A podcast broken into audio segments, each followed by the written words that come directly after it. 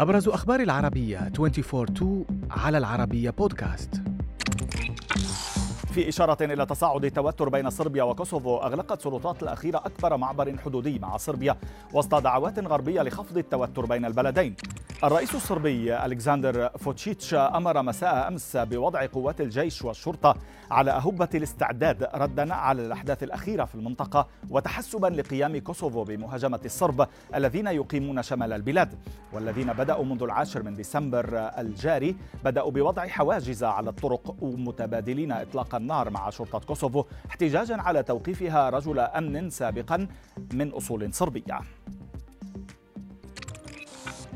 حذرت منظمة الصحة العالمية من وجود دفعة ملوثة من دواء يستخدم في علاج السرطان وأمراض المناعة الذاتية في كل من لبنان واليمن.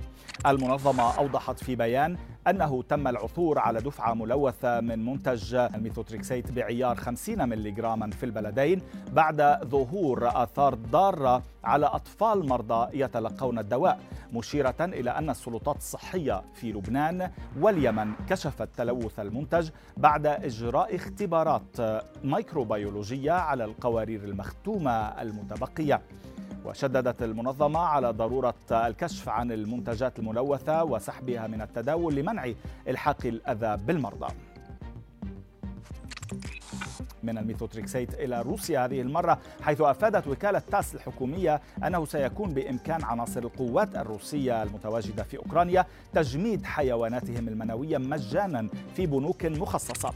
الوكالة أوضحت أن وزارة الصحة حددت إمكانية تخصيص دعم مالي من الميزانية الفيدرالية لتخزين الحيوانات المنوية للجنود الروس من عام 2022 إلى 2024 مشيرة إلى أن عائلاتهم ستتمكن من استخدام هذه الحيوانات المنوية المعنوية لإجراء التلقيح الاصطناعي مجانا في حال موافقة شركات التأمين فيما كشفت تقارير عن ازدياد الطلب على عمليات التجميد منذ أكتوبر الماضي خصوصا بعد إعلان بوتين عن حملة التعبئة لدعم قواته في أوكرانيا.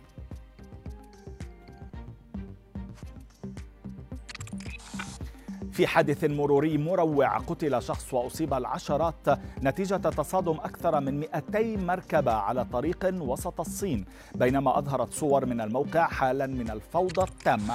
صور التقطت من الجو أظهرت مئات سيارات الركاب والحافلات الصغيرة والشاحنات التي اصطدم العديد منها ببعضها البعض مكومة على جزء من الطريق السريع في مقاطعة خنا فيما أوضحت وسائل إعلام رسمية أن الحادث وقع نتيجة انعدام الرؤية تقريبا جراء تشكل الضباب وبشكل كثيف ومفاجئ. وفي خبرنا الأخير قرر المزارع الأوغندي موسى الذي أنجب 102 من الأبناء ولديه حاليا 568 حفيدا من 12 زوجة تزوجهن خلال حياته. قرر التوقف عن إنجاب الأطفال حتى يتمكن من الإنفاق عليهم. موسى البالغ من العمر 67 عاما قال للصحفيين إن دخله قل خلال السنوات السابقة بسبب ارتفاع تكاليف المعيشة خصوصا وأن أسرته كبيرة مشيرا إلى أن زوجاته الأربع الحاليات يعشن في المنزل نفسه مع نحو ثلث أبنائه الذين تتراوح أعمارهم بين ستة أعوام و 51 عاما.